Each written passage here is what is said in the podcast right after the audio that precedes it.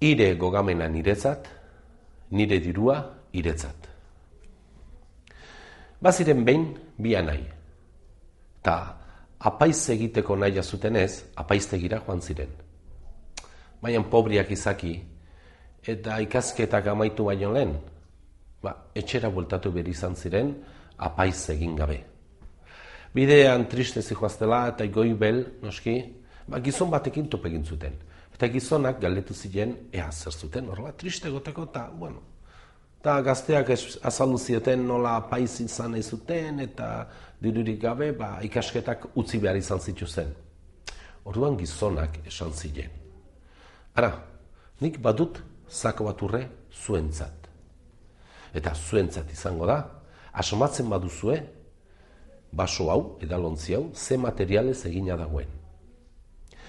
Baina, asomatzen ez baduzue, zuen harimak niretzat izango dira.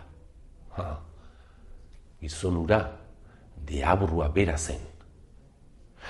Urte bete izango duzue, asomatzeko, eta bide hontan bertan, topatuko gara, ba, urte bete barru.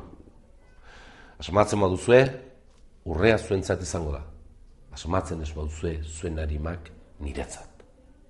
Eta bakoitzak bere bidetik alde egin zuen. Gazteak etxera jihatu ziren, eta bueno, edalontzi bat, baso bat zen materialez egina dagoen, ez da inzaia asmatzea. Baina uste baino asko zere zailago zen. Etzen egurrezkoa, etzen burnizkoa, etzen bustinezkoa, etzen kristalezkoa, eta zin asmatuik, ezin asmatuik batzuk eta beste galetu eta zerre, jangoikoari ere arrazatzen zioten, ja, asmatzeko almena eman ziezaien, eta zerrez, ja plazoa betetzear zegoela, aneietako bat, irten zen mendialdera buelta bat emateko asmoz.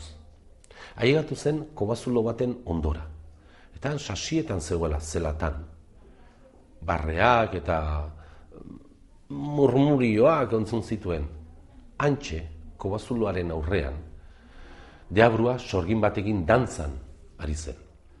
Eta deabrua pospozik eta sorgina galetu zion, ea nolatan, hain pozik, eta bu, tratu eder egin ditut bi gazteko itxaduekin. Tratua da, ba, asomatzen badute, ze materialez egin da dagoen eman diedan baso bat, ba, zako bat urremango diedala. Baina asomatzen ez badute, bere narimak niretzat izango direla. Bo, eta sorgina, ah, bai, eta ze material egina duk, ba? Basori, uh, oso erresa. Ostiral eta larun batetan moztutako azkazalekin. Ha, iaizi, iaizi, eh, azkarra. Talaxe, dantzatzen jarraitze duzuten, eta gaztea, hori entzun zuenean, bu, etxeako bidea. Uru, urrengo gunean, antxe, esandako lekuan, zaizeuden bigazteak. Ta orduan deabru agertu zen.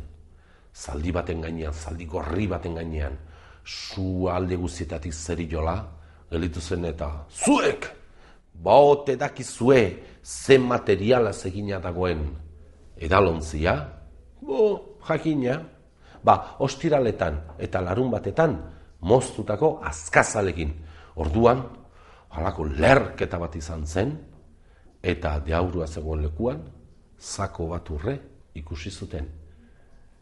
Urre hori hartu eta paiztegira joan ziren. Eta antxe, amaitu zitu zen asketak.